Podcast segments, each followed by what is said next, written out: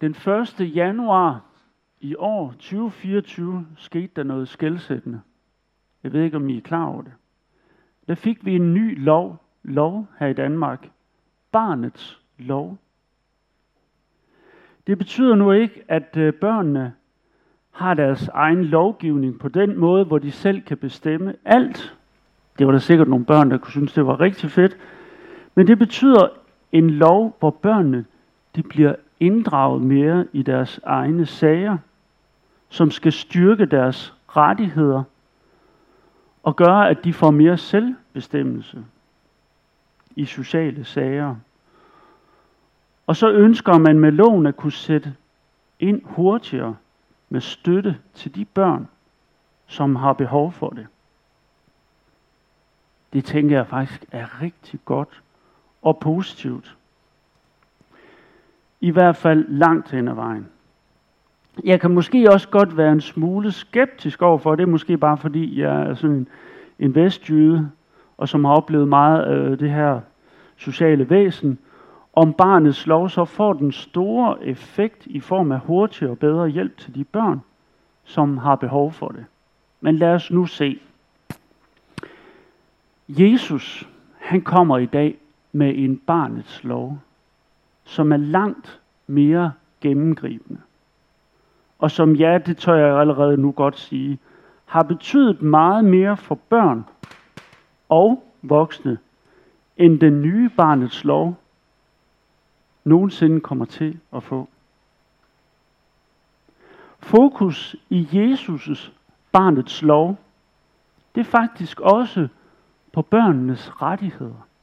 Men ikke så meget deres sociale rettigheder og behov for støtte og hurtig hjælp, men deres rettigheder over for Gud.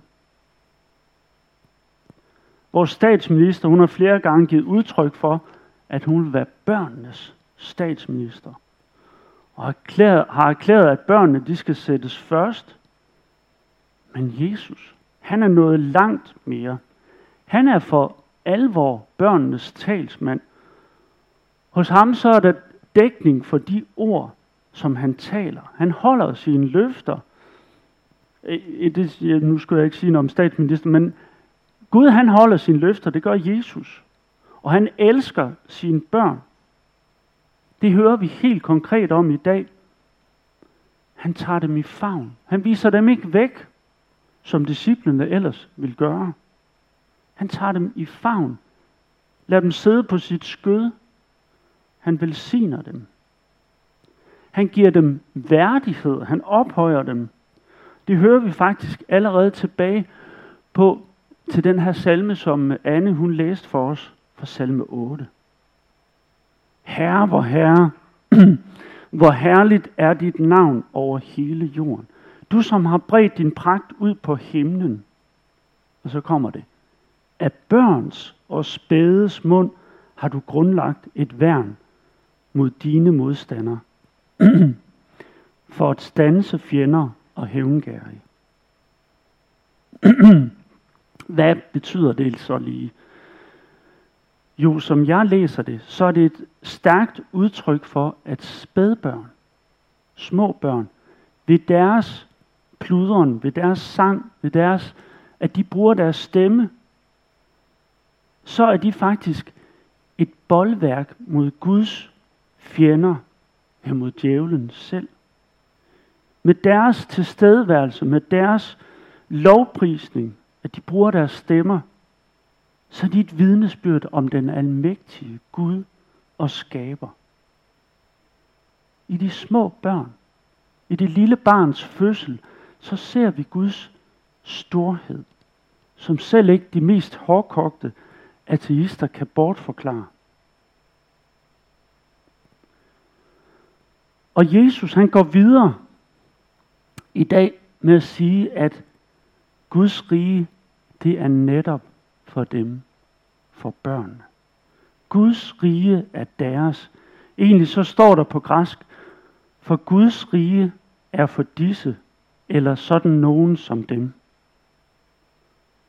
Og så får jeg han til, at vi er nødt til at, vi er nødt til at modtage Guds rige, ligesom et lille barn, for ellers så kommer vi slet ikke ind i det. Det er godt nok provokerende og vildt. Og reaktionen, da vi snakkede om det derhjemme i familien, fra en af mine drenge, det var, det er da godt nok mærkeligt. Det er godt nok mærkeligt. Det er ikke særlig logisk, vel? Og vi er faktisk vant til at tænke modsat, at vi skal, man skal blive voksen, man skal blive moden nok til at kunne forstå det. Ja, bare vent til du bliver voksen, så skal du nok forstå det. Eller, der er så meget, man skal lære, ikke også? Men, men du, du lærer det efterhånden.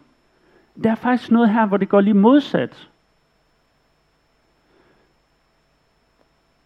Vi er nødt til at lære noget af børnene. Troen er netop noget, som vi må tage imod tillidsfuldt og åbent som et lille barn. Og hvor vi ikke må lade vores fornuft, vores kritiske spørgsmål stå i vejen for Gud, og for at han kan komme til i vores liv. Man kunne spørge sig selv, hvorfor bliver Jesus vred på disciplene? Det er meget sjældent, vi hører om, at Jesus han bliver vred. Vi hørte om det, da, da Jesus han, øh, han går amok på tempelpladsen, han uddriver de handlende. Og så hører vi et par gange om, at, at Jesus han så på dem med vrede. Men det her det er altså en af de særlige gange, hvor Jesus han bliver vred. Hvorfor gør han det? Jo, fordi at disciplene de ville hindre børnene og deres mødre og fædre, som bare de mindste af dem, i at komme til Jesus og modtage hans velsignelse og lade dem komme ind i Guds rige. De satte kriterierne, kriterierne for, hvem der var værdig til Guds rige. Og jeg tænker på, hvor ofte kommer vi til, måske ubevidst, at gøre det samme, hindre børn i at komme ind i Guds rige, eller måske gør det svært for dem at forstå, hvad evangeliet handler om. Gør det kedeligt, gør det uvedkommende for dem. Og jeg har helt sikkert selv været med til det. Vi voksne, vi skal lære af børnene. Når det handler om troen og Guds rige, vi skal lade os smitte af deres umiddelbarhed, tror jeg. Af deres glæde, deres begejstring, deres tillid og åbenhed. Og derfor har jeg bare lyst til endnu en gang at slå et slag for børnekirken. Og være leder der, eller måske bare prøve at være med og være leder en dag. Og tage børnekirken. Måske er det ikke så meget dig, som skal lære børnene noget, men mere omvendt, at børnene, der får lov til at give noget til dig og lære dig noget. Måske endda om troen og Guds rige. Nå, men er der så overhovedet håb for os voksne, som er så fornuftige og er så kritiske? Man kunne godt få den tanke i dag, at ah, så må vi gå sådan lidt modløs fra kirke og tænke, nå, det er jo så det. Men jo, jeg tror faktisk, der er håb for os. Lad mig komme med et, øh, et aktuelt eksempel. Jeg tænker ikke, at det er gået nogens næse forbi, at vi snart skal have en ny regent. Øhm, dronningen hun meddelte i sin nytårstale, at nu var tiden inde til at give tronen videre til hendes søn. Øhm, alle vidste, at det her det ville ske en dag, og nogen de havde nok tænkt, at det sker nok først, når hun dør, men nu var tiden kommet. Og hvad er det så, det berettiger lige netop Frederik til at blive konge? Er det fordi, han har gjort en militær karriere og gennemført en frømandsuddannelse inden for Søværnets frømandskorps og har mange fine titler, både inden for Søværnet og flyvevåbnet og inden for hæren, eller måske fordi han har deltaget i den her Sirius-patruljen 2.800 km rundt om det nordlige Grønland. Det er jo helt vildt. Eller er det fordi, han er en særlig smuk fyr? Eller fordi han er levede et eksemplarisk liv, hvor han øh, altid har gjort det gode og sat andre mennesker først? Nu skal jeg jo ikke øh, sige noget dårligt om øh, kronprinsen Frederik, men jeg tror godt, jeg kan sige, at øh, også Frederik, han er et fejlbarligt menneske. Nej, der er ikke noget af det her, som berettiger Frederik til tronen, til at blive konge. Men det er alene fordi, at han er kronprins. Fordi han har arveret til tronen, så er han berettiget til den. Sådan er det også med dig. Og for de fleste af os, så skete det, da vi var helt små, da vi ikke selv kunne gå, men blev båret hen til døbefonden, blev båret til dåben. Her fik du arveret til himlen. Du blev Guds kongebarn. Du blev kronet med herlighed og ære, som vi hørte det fra salme 8. Du forstod det ikke. Og det gjorde de voksne for så vidt heller ikke. Dem, der bar dig, og dem, der var med. Men de måtte tro på det. At her må de få lov til at tage imod Guds rige, komme ind i Guds rige, og bare tage imod. Sig tak. Her fik du himlen i eje, her fik du arveret, her fik du barnekår hos Gud. Her blev du frelst. Og det eneste du kunne gøre, det var bare at sige tak og tage imod. Martin Luther, øh, vi skal slutte med et ord af ham. Vores kirkes reformator. En stor mand, kan man sige. Eller jeg ved faktisk ikke, hvor høj han har været, men altså en mand, som udrettede ret meget. Som skrev mange bøger. Han oversatte Ny Testamente. Han, han snakkede i, med alle mulige mennesker. Han læste jura. Han, han øh, kom ud for et voldsomt tordenvejr, så fandt han ud af, at jeg skal ikke læse jura. Jeg vil gå i kloster, Gud, hvis jeg overlever det her. Det gjorde han. Og han blev doktor i teologi, og han... Helt vildt. En mand, som i hvert fald ikke sparede på ordene, som sjældent nok blev mundlam, tænker jeg. Jeg ved det ikke.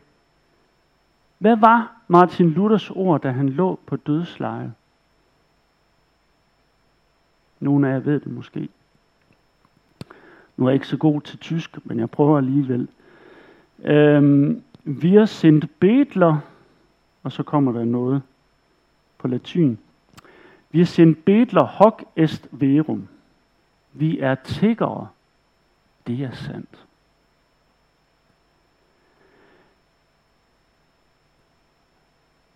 Hvordan kan det være? Det lige netop var det ord, Martin Luther han sluttede sine dage af med. Det sidste han skrev. Jeg ved det jo egentlig ikke. Men jeg tænker, måske havde den her store mand, kirkemand, som havde udrettet så meget, som havde skrevet og tænkt så meget. Måske havde han brug for at minde sig selv om, og måske var han da blevet mindet af Gud om, at også han var et Guds barn, som blot må tage, Guds, tage imod Guds rige ligesom en tigger, som ingenting har. Vi er netop begyndt et nyt år, og jeg tænker, at det her ord kunne vi passende tage med os ind i det nye år. Vi er tiggere. Vi er Guds elskede børn. Vi har ikke fortjent Guds nåde, hans kærlighed og frelser. Men vi må bare tage imod, sige tak. Og så må vi give det videre til de mennesker, som Gud han har sat os iblandt. Så flere af de må høre det. Lad os takke og sige, Ære være faderen, som har skabt os. Ære være sønnen, som blev menneske for os og blev vores frelser. Og ære være helligånden, som gør dette levende for os. Amen.